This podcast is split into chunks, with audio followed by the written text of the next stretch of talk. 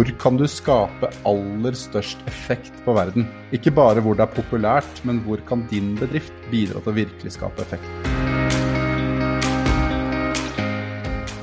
I Endringsskaperne snakker vi med kunnskapsrike og engasjerte folk som kan hjelpe oss til bedre å forstå hvorfor, hva og hvordan vi kan drive bærekraftig business og leve rike og gode liv.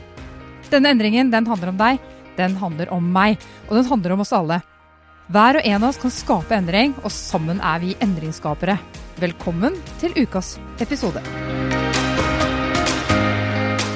WeMe er en sosial entreprenør. Et selskap som skal inspirere og hjelpe bedrifter og deres ansatte til å ta bedre vare på planeten vår, samtidig som vi tar bedre vare på oss selv. Med i studio er WeMes gründere Rune Kroken, Hei, hei. Jan Strøm Hei. og jeg er Linda Krogh Ødegård. Med oss i dag har vi Andreas Friis, initiativtaker og leder for Sustainability Hub, eller S-Hub som det også kalles. S-Hub er et kunnskapsnettverk for bærekraftig business. Og den 26. november så slapp de rapporten State of Sustainability Norway 2020. Denne rapporten sier en hel del om hvordan 176 norske bedrifter jobber med bærekraft i dag. Den viser at det skjer mye bra, og avslører hvor skoen trykker. Men underveis i samtalen så kommer vi innom så mange spennende perspektiver at vi har delt denne podkasten i to episoder.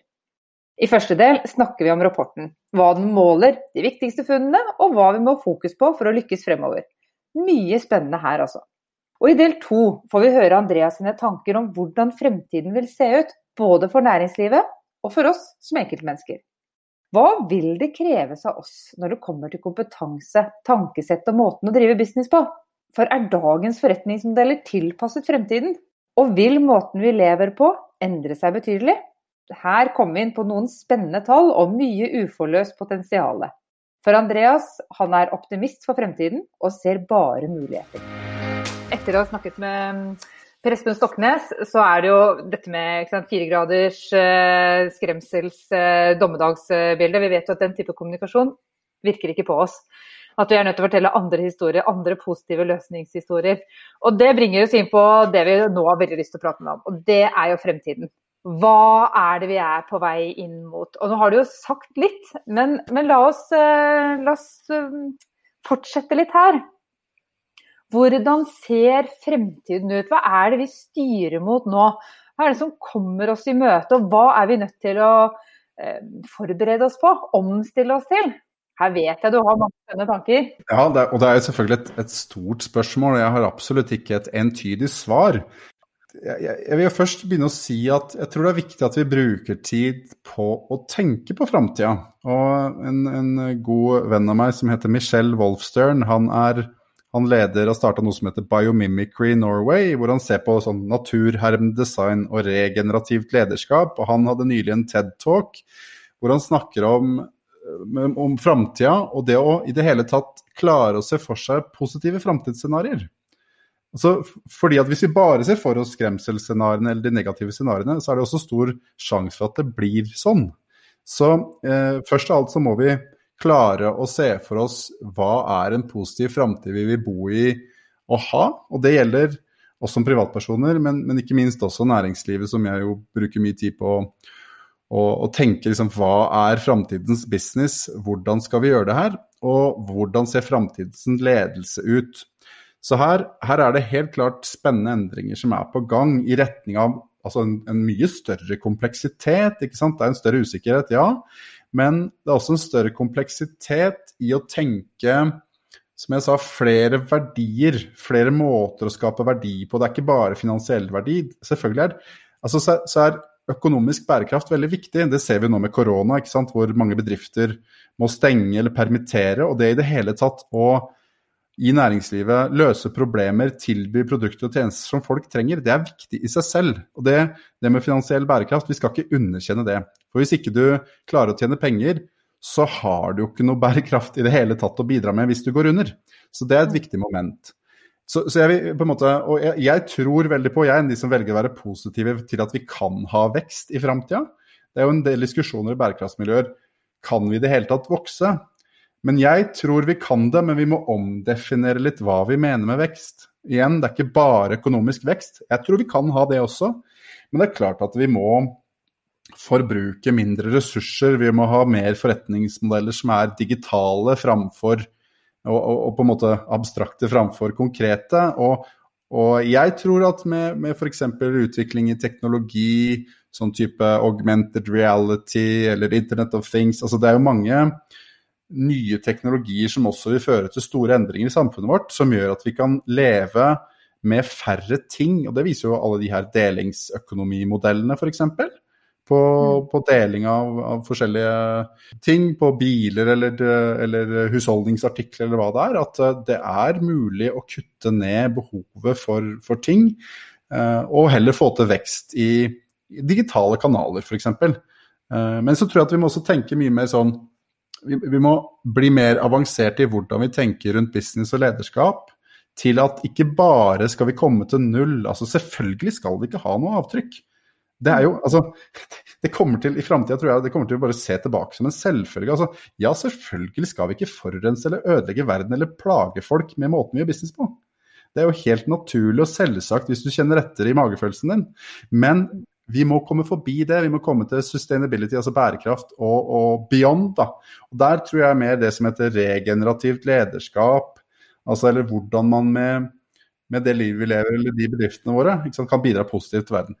Vi vet jo veldig godt hva regenerativt landbruk er, for det har vi jo snakket med Oppaker gård om tidligere.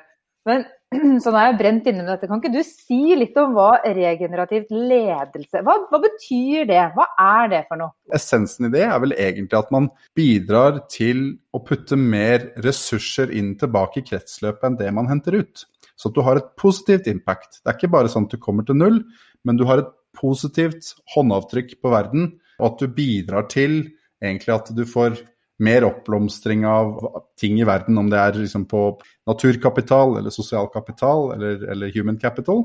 Og i det hele tatt at du også selvfølgelig gjør det bra finansielt sett. Eh, så, så enda mer positivt bidrag, da. Så jeg syns det er spennende, for det betyr at man, og det ser man jo fra naturen, ikke sant? naturen er jo nat altså regenerativ i seg selv, hvis økosystemene er satt opp på riktig måte. Hvis du har riktige næringsstoffer inn og riktig tilgang på samspill da, i økosystemet. Og der synes jeg er, eh, så Det som kommer fra naturhermende design, biomimicry og, og regenerativt lederskap, er veldig spennende modeller Eh, å bruke inn på næringslivet også, for det gjør at man tenker en mye større grad av kompleksitet og samarbeid.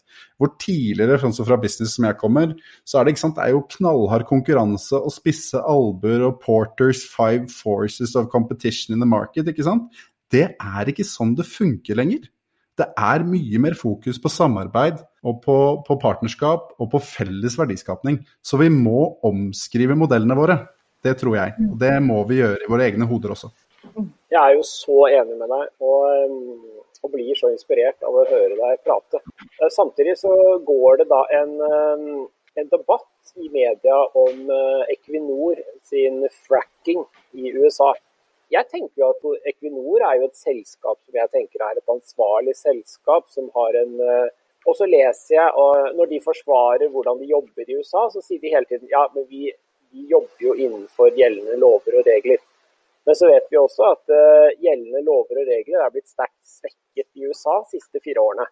Det er veldig rimelig å si at uh, gjeldende lover og regler er ikke sterke nok.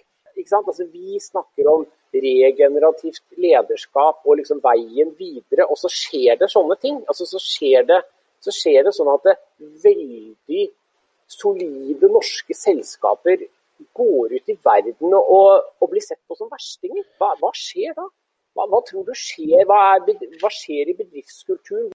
Nei, det, er et, altså det, det, vi er inne på når vi snakker om regenerativt lederskap og den framtida, så er vi inne på relativt type avanserte nye måter å, å se næringsliv og business på. Men, men også altså, et sted vi må komme til fortere, mener jeg da.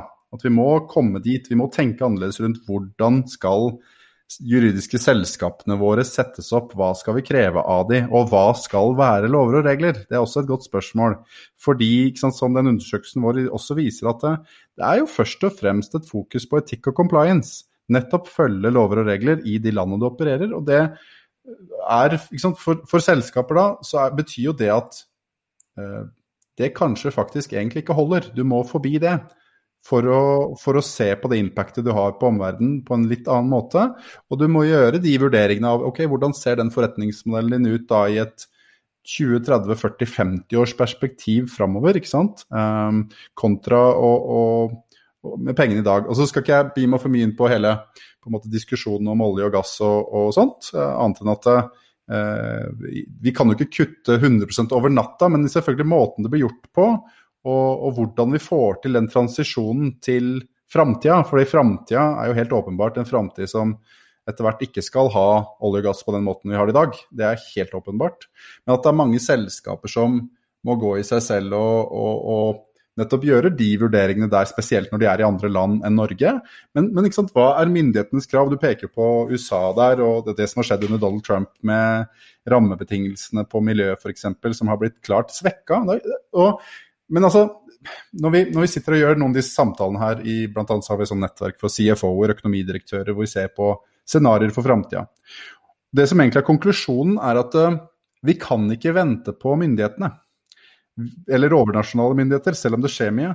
Så det er ganske mange ledere i privat sektor som faktisk har lyst til å gå foran. Og gjerne vil ha strengere reguleringer enn det som markedet har for øvrig, fordi at de er klare for det.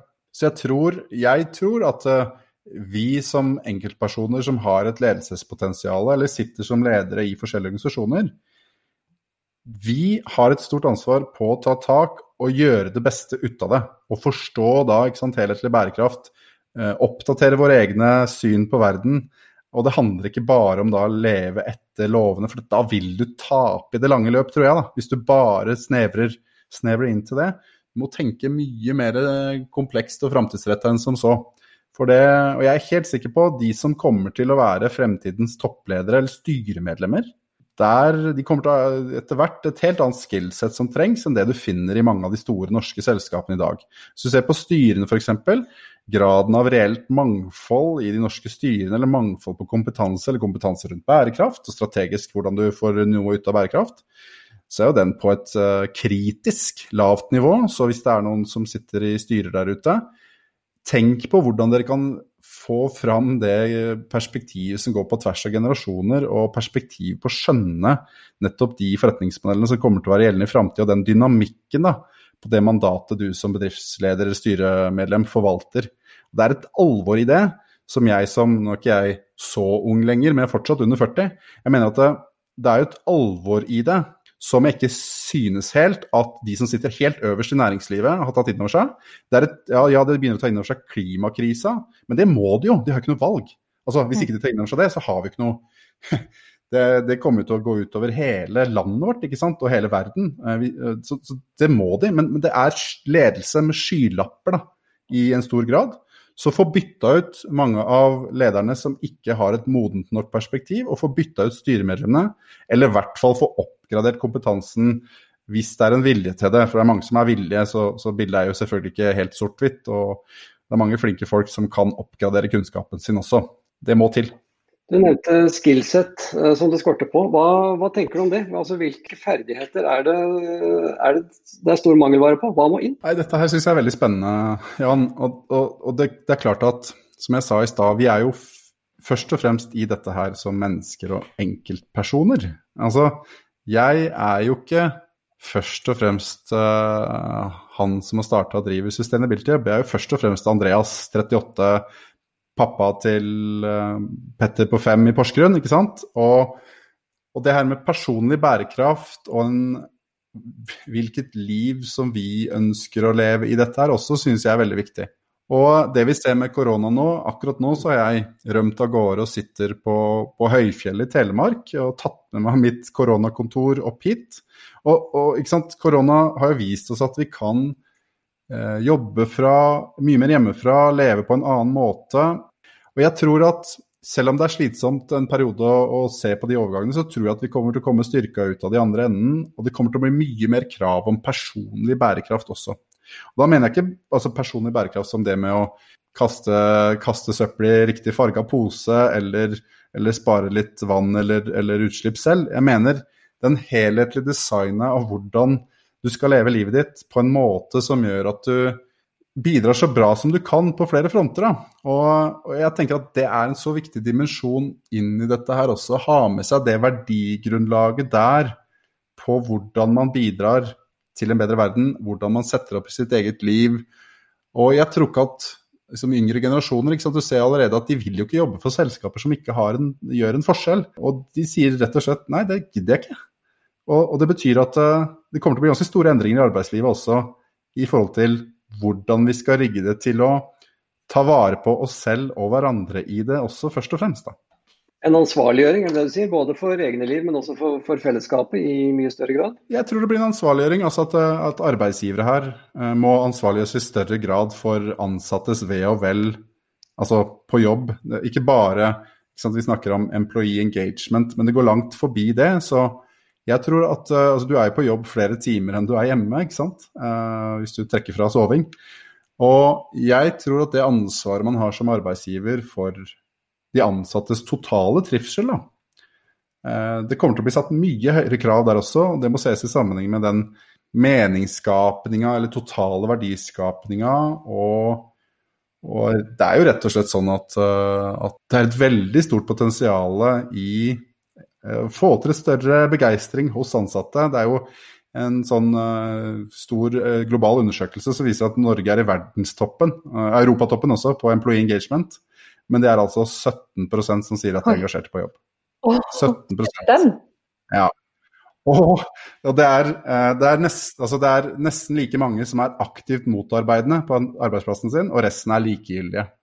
Så det betyr, Og det her er europatoppen. Altså, sånn at eh, det er et vanvittig stort potensial for Og det her er en sånn tredjepartsundersøkelse ikke sant, som viser det. Det er ikke bedriften selv som måler det, for da tror jeg det kan bli noen målefeil. Og det er klart at dette her er også et veldig stort eh, effektpotensial i å skape mer begeistring eh, og engasjement på jobb. Og da, da stiller jo det helt andre krav til HR-funksjonen eller lederne på å se på hva betyr god ledelse på personlig bærekraft og på design av det i framtida.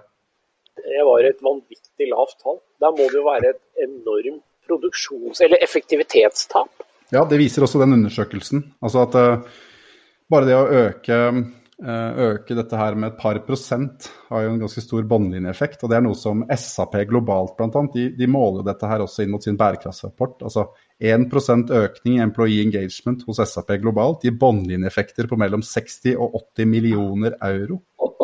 Så, så det er Uh, det her er, det her er altså det, det, et av de poengene som jeg prøver å komme inn på når jeg snakker om bærekraft og lønnsomhet. at at ja, med bærekraft eller mening eller purpose, altså det med å gjøre en forskjell, så kan du heve tillitsnivå eller begeistringsnivået eller engasjementsnivå hos kunder og ansatte og alle interessentene dine. Og det er nettopp gjennom de tinga der, en høyere grad av lojalitet, mindre turnover, mindre sykefravær, høyere produktivitet på jobb, ikke sant? da blir det jo mer lønnsom. Da får du jo enten høyere topplinje fordi at kundene dine handler av det oftere, eller at du sparer kostnader ved at du f.eks.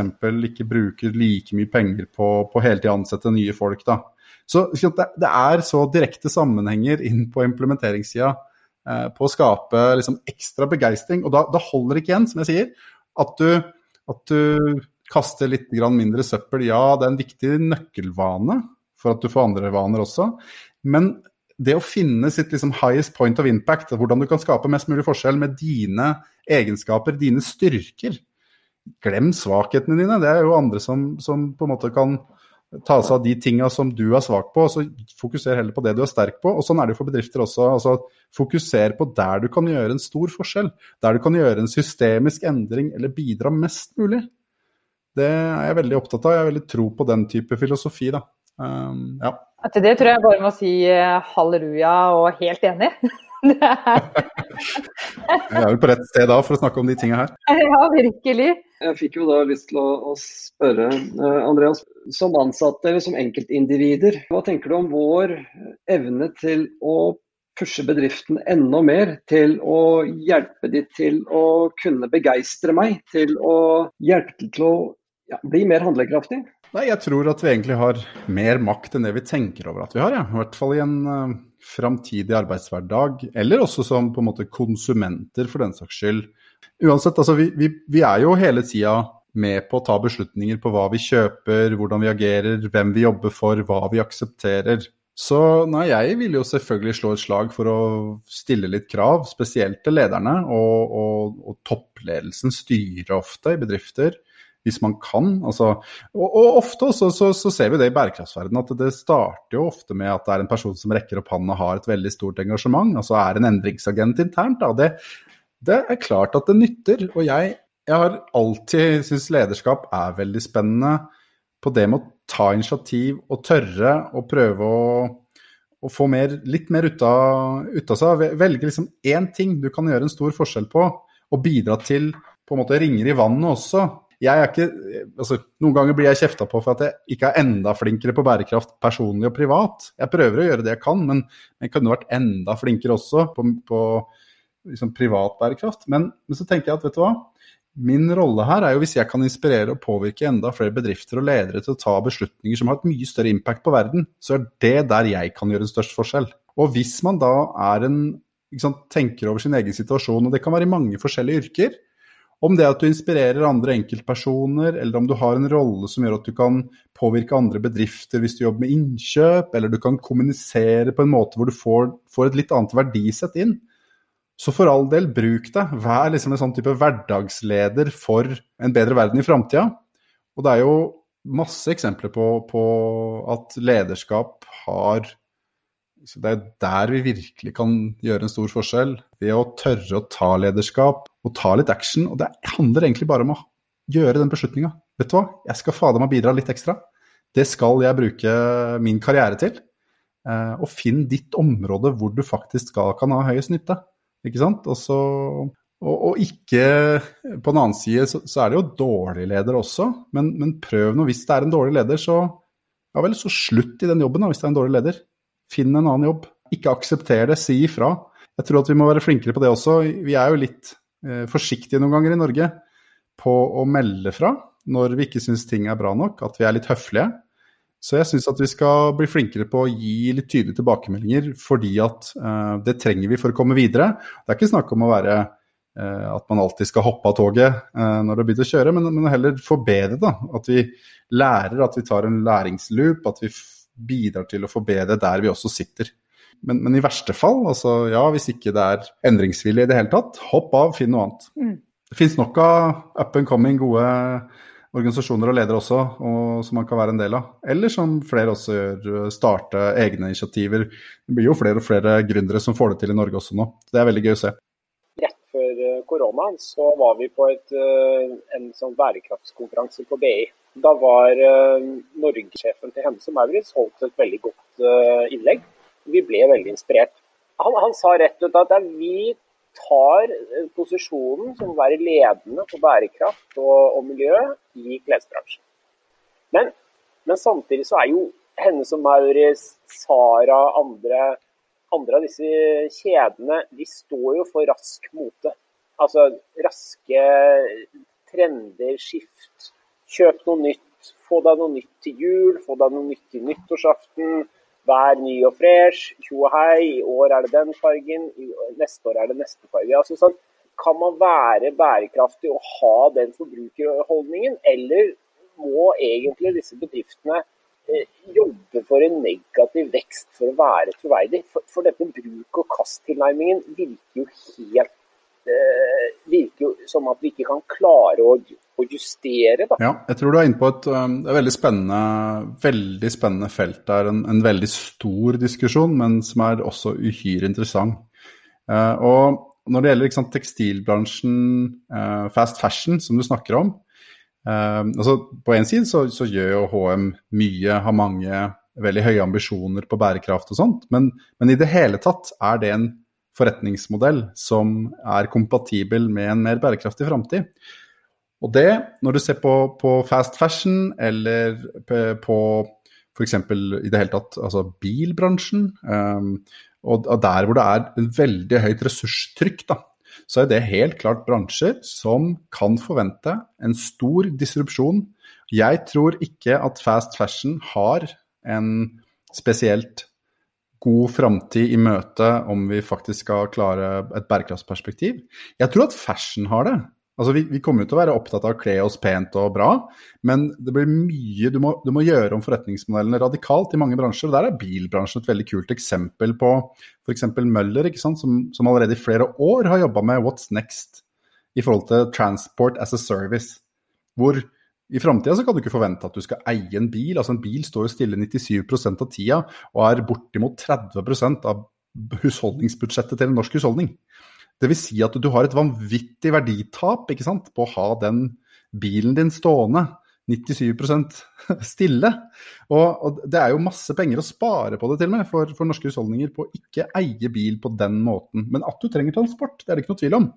Og hvordan den framtida ser ut om 10-20-30-40 år, det kommer til å være helt annerledes. Og vi har jo sett på mikromobilitet, så har det skjedd masse med, med disse her omdiskuterte elsparkesyklene. ikke sant? Og på, på kollektivtransport, som, som, jo er noe helt annet. Og jeg tror også at uh, når Amazon etter hvert begynner å trykke på dronetransportknappen sin, som jo sikkert kommer til å skje, om det er en spådom som går i oppfyllelse eller ikke, det får jo tiden vise. Men at, at det kan jo plutselig bli sånn at det er droner som er framtidas transportmiddel, og du bare bestiller en drone til å ta deg fra A til B når du trenger det. At du har liksom abonnement på transport som går på da tvers av plattformer, med elsparkesykler og kollektiv og dronetransport og alt med seg, for å komme deg til hytta, ikke sant. Um, men, men mote, å selge som Sara gjør, 18 sesonger i året, det er jo en modell som ikke funker i et bærekraftsperspektiv. Det er jo helt eh, absurd, og med plagg som du kan bruke tre ganger, så må du kaste det. Det sier seg sjøl at det kommer ikke til å gå i framtida. Det kommer til å være regulert opp, tror jeg. At det er ikke lov, rett og slett. Men, men, men de som, det er et selskap som heter Northern i Norge, men CEO som er veldig ambisiøs der også, på, å tenke mye mer sirkularitet i forretningsmodellene. Eh, du eh, du har vel selskaper som eh, som eh, Jeg husker ikke farta hva de heter, men som driver med barneklær. ikke sant? Eh, det er jo flere som eksperimenterer med at du ikke eier klærne, du bare på en måte låner og leverer tilbake igjen. og Ettersom barnet vokser, så bytter du ut med nye. Det er mer som type abonnementsmodeller. da. Så det er jo dit vi skal eh, i, i, i, tekstilbransjen også. Og egentlig bare ta for seg bransje for bransje det, og så prøve å stille det spørsmålet er dette forretningsmodeller om 50 år som vi eh, tror kommer til å eksistere eh, på samme måte, eller ikke. Og det er jo sånn selvfølgelig mange av eh, investorene nå i, i uh, store kapitalen også tenker. Uh, og begynner å ta pengene ut av de forretningsmodellene de ser at de ikke vil ha livets rett om et mer langsiktig, en mer langsiktig framtid, og putte penger inn i andre nye forretningsmodeller som definitivt vil ha mye mer livets rett. Da. Så forretningsmodellinnovasjon og disrupsjon det er et veldig spennende tema og gå rett inn på strategibord igjen til styrer og ledergrupper. og ja, Jeg er veldig spent på å se på, på Også Ikea er et eksempel. De jobber jo veldig med å prøve å endre seg. Eh, nå kommer de med liksom buyback-ting og skal gå carbon neutral innen 2030. og Er det et selskap som faktisk Altså, Det er store utfordringer der også, men, men de er jo voldsomt ambisiøse på å prøve å få det til. Så om de klarer det, er et annet spørsmål da, på, på i den grad forretningsmodellen til IKEA er mulig å gjøre sirkulær tar et lite oppfølgingsspørsmål der. fordi at I um, oppsummeringen av rapporten din så sier du at syv av ti uh, selskaper indikerer at de uh, må endre forretningsmodellen innen uh, 2030. Mm. Men, men, tror du da at disse selskapene ser for seg en sånn type distribusjon som vi snakker om nå, hvor du, liksom, du endrer forretningsmodellen i totalt, eller, eller, ser de liksom for seg litt sånn tuning her og der og litt litt mer resirkulerbart her og litt Nei. mindre energibruk der. Jeg tror Noen få har nok gjort de analysene, scenarioanalysene. og Dere har jo hatt Per Espen Stoknes som gjest. Han er jo også en veldig sånn god scenariomann. Og flere av konsulentaktørene gjør også gode framtidsscenarioanalyser.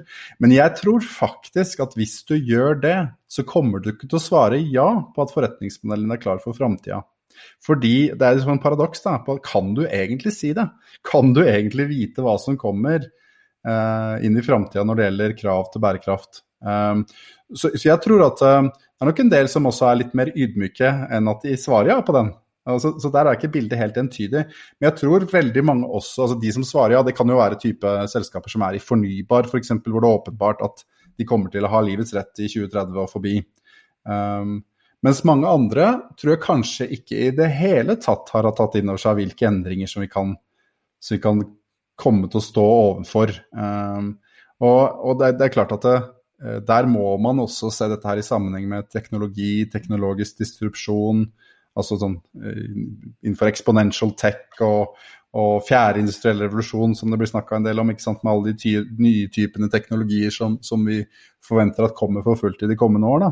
Så det kan jo hende at vi står overfor større revolusjoner i en del store systemer, eh, som bank og finans og, og eh, altså alarmbransjen f.eks. Altså de som har uh, alarmselskapene, de er jo, der kommer det til å bli stor distribusjon i løpet av få år, for at den teknologien kan du erstatte med egne produkter. Google kommer inn på den home security-biten for fullt nå, ikke sant. Så, så, det er klart at uh, Ja, jeg, jeg tror mens, mens, på den annen side så ser du liksom at de som altså, Dagligvarebransjen har jo hatt en stor vekst under korona, og der er det heller sånn disrupsjon gjennom Amazon og nye internasjonale gigantiske aktører som man kan være redd for, da.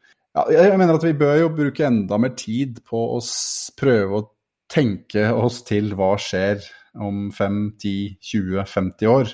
Uh, og jeg tror at for min sønn på fem så vil hans arbeidsliv og hvordan han lever se helt annerledes ut. Men da er vi tilbake til det også å tørre å, for oss da, som sitter her nå som ledere, tørre å se for oss en positiv framtid.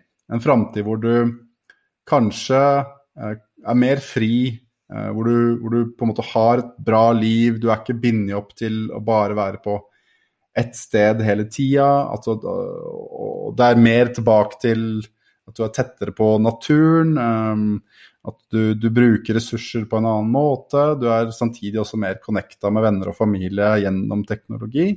Um, så jeg, jeg, har tro på at vi kan se for oss en positiv framtid. Jeg er veldig framtidsoptimist, egentlig. Jeg tror at altså, Menneskeheten har klart å, å, løse de store utfordringene vi har stått overfor.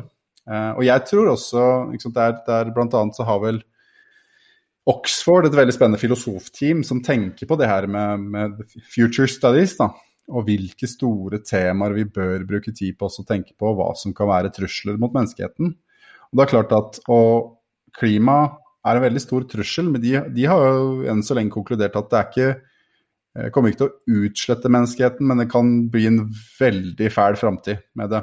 Mens det er andre temaer som er direkte, sånn som biodiversity, kan jo faktisk være mer kritisk for for eh, i det hele tatt jordbruket å få produsert det vi trenger. Eller kunstig intelligens, altså hvis det kommer kunstige kunstig intelligenser som, som, blir satt i spill som eh, ja, kan være kritisk for, for, uh, for, egentlig liksom hele menneskeheten. Da. Så det, det, er sånne type Da er vi ganske far out da, på future studies og, og framtidsfilosofer. Men det er verdt å høre litt til hva de dyptenkerne der sitter og pusler med også på, på store systemer og hvor vi må legge inn innsats. Endringer som kommer, da. Store endringer som kommer. Endringstakten er økt betraktelig eh, bare de siste ti åra sammenligna med, med de 50-100 åra før det. Mer endringer de siste ti år. Um, sånn at jeg tror vi skal i hvert fall planlegge for en verden som er i stor endring hele tida. Men jeg, nå har Jan et spørsmål, men så hadde jeg også lyst til at vi skulle avslutte på denne positive viben. Og så har jeg forsøkt meg på en oppsummering. Men jeg tenkte Jan, du, du hadde et spørsmål først. Jeg kjente jo på en positiv vibe her nå som jeg hadde lyst til å, å touche litt mer innpå. Du må ikke glemme at det er jo oss, deg og meg, vi som har brakt oss dit vi er i dag. Og det er jo også deg og meg og vi som skal bringe oss ut av dette. Så jeg tenker også Når du snakker om liksom fremtid og hva ser vi for oss, det er der det begynner og ender. da. Uh, og da, Det minner meg på noe Dag Olav Hesten sa til oss. altså Han sa det, det er så ofte fokus på hva vi må si nei til, og man snakker om lover og reguleringer. Og, mens du snakker om begeistring, og, og, som han da sier. Men jeg tenker det er viktigere dette med hva er det vi sier ja til? Jeg syns det er uh, veldig godt poeng, og også et litt sånn type strukturelt poeng. Vi, bare for å backe det poenget, så kommer det et forslag nå til, til myndighetene som har en sånn ny bærekraftsplan de lager. Uh, da kom vi med et forslag her på å tenke oss et alternativ til aksjeselskap, altså et regenerativt selskap, ikke AS, men RS, hvor du, eh, litt som elbilen i Norge, insentiviserer selskaper til å ta valget om å ikke være et vanlig AS, men et RS, og et litt større commitment til en da positiv framtid. Eh, hvor du da kan få skatteinsentiver og, og arbeidsgiveravgiftreduksjon og f.eks. null utbytteskatt eller andre sånne type ting. Eh, og det mener jeg, at ja, la oss ta og tenke en positiv framtid og lage nye modeller som er med på å understøtte den positive framtida vi skal til. Det er å endre deler av utdanningssystemet og, og juridiske systemet for bedrifter i Norge og, og måter vi ikke bare bruker pisk på, men også gulrot. Det har funka utrolig bra i Norge for innføring av elbil, og hvorfor ikke på nye juridiske modeller for eh, bedrifter, rett og slett. Veldig spennende forslag. Vi har vært innom så mange temaer, vi har vært innom så mye spennende, så jeg vet at jeg får bare med meg en brøkdel. Men hvis vi kan begynne litt fra hvor vi begynte i starten eh, i samtalen her, med bedrift- og lederperspektiv, så sier du at det å begynne med en vesentlighetsanalyse er et godt sted å starte. Og så snakket vi om eh, på et strateginivå, der er det mange som har det liggende inne i forretningsstrategien sin, men at det skorter på praksis. Så implementering er viktig å ha fokus på. Gode implementeringsmodeller ned i det praktiske. Og hvordan påvirker dette alle dimensjoner i en bedrift, alle avdelinger, salg, HR, ja, hele veien. Det er også behov for økt kompetanse ja, det å se på nye forretningsmodeller, strategier, og at dette er flotte muligheter, og det å se inn på regenerativ ledelse. Og mens vi snakket om dette, her, så gjorde jeg meg et lite notat av eh, noe vi snakket med Nicolas Inn eh, om. Og da snakket vi om ikke bare sustainability, men om det å være responsible. Som et uh, uttrykk å være en responsible and sustainable. Liksom ha begge de to perspektivene med seg, da. Ikke bare spille til reglene, men å ta ansvar. Når vi kom litt mer inn på hva dette betyr for deg og meg, så har vi vært innom masse, men, eh, men, her nevner du at personlig bærekraft er noe som vil komme mer og mer fremover. Og det er rett og slett kjennskap til hva er viktig for meg, verdiene mine, og hvordan setter jeg opp livet, hvordan lever jeg livet, blant annet. Eh, og så sa du noe som er kjempeviktig, at vi alle har større påvirkningskraft enn vi tror. Og den påvirkningskraften den kan vi bruke både ved å stille krav overfor ledelsen eh, vi jobber for. Vi kan også bruke vårt, eh, vår forbrukerkraft, da, eller vårt eh, forbrukeransvar, på en positiv måte. Ja, og bevissthet om hvordan vi lever livet. Og så var det masse mer her, men jeg tar også med meg dette med å skape engasjement eh, blant sine ansatte. Jeg hopper litt tilbake der. Jeg syns det var godt oppsummert, og jeg er ikke flau for å prate når jeg blir engasjert, som dere skjønner. Men det er jo veldig gøy å få lov til å delta her og bidra med mine tanker. Og, så, men det her har vært kjempespennende samtale. Og Rapporten eh, deres Andreas, eh, den heter 'State of Sustainability', og den finner man på nettsiden deres? Ja, da kan du bare gå inn på sustainabilityhub.no, og så er det mulig å laste ned funnene der. Og om det er noen bedrifter der ute som har lyst til å være involvert i en del av de samtalene, og sånt, så er det selvfølgelig hjertelig velkommen til å ta kontakt. Er, eh, vi trenger ambisiøse ledere som vil ta oss inn i en bedre framtid gjennom å bruke business. Eh, og Det er litt av visjonen i, i, hvorfor vi gjør det vi gjør også. For vi tror veldig på en positiv framtid, og at business har en veldig viktig og stor rolle i å ta lederskap der.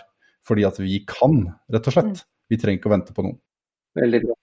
Ja, veldig bra. Jeg tenker òg vi kan legge ut uh, den rapporten uh, i følgeteksten til denne podkasten her også, så de som lytter kan lett få tak i den. Tusen hjertelig takk. Takk for meg. Det har vært en ære å få lov til å være med. Og takk for det. I dagens episode har vi blitt kjent med Andreas Friis og med hva Sustainability Hub er. For hvem og hva de jobber med. I del én har vi fått høre om de viktigste funnene i rapporten State of Sustainability Norway 2020.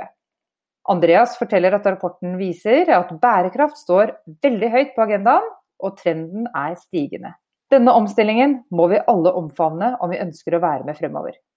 Rapporten viser også at der bedriftene scorer lavest, er på implementering av bærekraft i hele organisasjonen. Den viser òg at for å være fremtidsklar, så må syv av ti endre forretningsmodellen sin, og at vi må se til nye modeller for å møte fremtidens behov. Bærekraft er fortsatt nytt for de aller fleste, og det er behov for å dele kunnskap og kompetanse. Vi har snakket om regenerativ ledelse, ja, som handler om å lede på en slik måte at man tilfører mer enn man tar. Og den ekstremt viktige verdien av å kunne engasjere medarbeiderne. Sist, men ikke minst har vi vært gjennom personlig bærekraft, søken etter mening og bevisstgjøring av vår påvirkningskraft. Andreas sier vi bør stille krav til både sjefen vår, til de vi handler fra, og til oss selv. Vi takker Andreas for en inspirerende og lærerik prat. Alle relevante referanser og lenker til dagens gjest finner du på nettsiden vår weme.eco. Du kan nå oss på e-postadressen hello krøllalfa weme.eco her kan du gjerne sende oss tips om relevante temaer eller andre vi bør ta en prat med. Du kan selvsagt stille oss spørsmål, eller ta kontakt for en prat om hvordan vi kan hjelpe deg og din bedrift i det grønne skiftet. Likte du det du har hørt, vil vi gjerne at du deler denne podkasten med dine venner og kollegaer. Da gjenstår det bare å si hei så lenge, høres snart.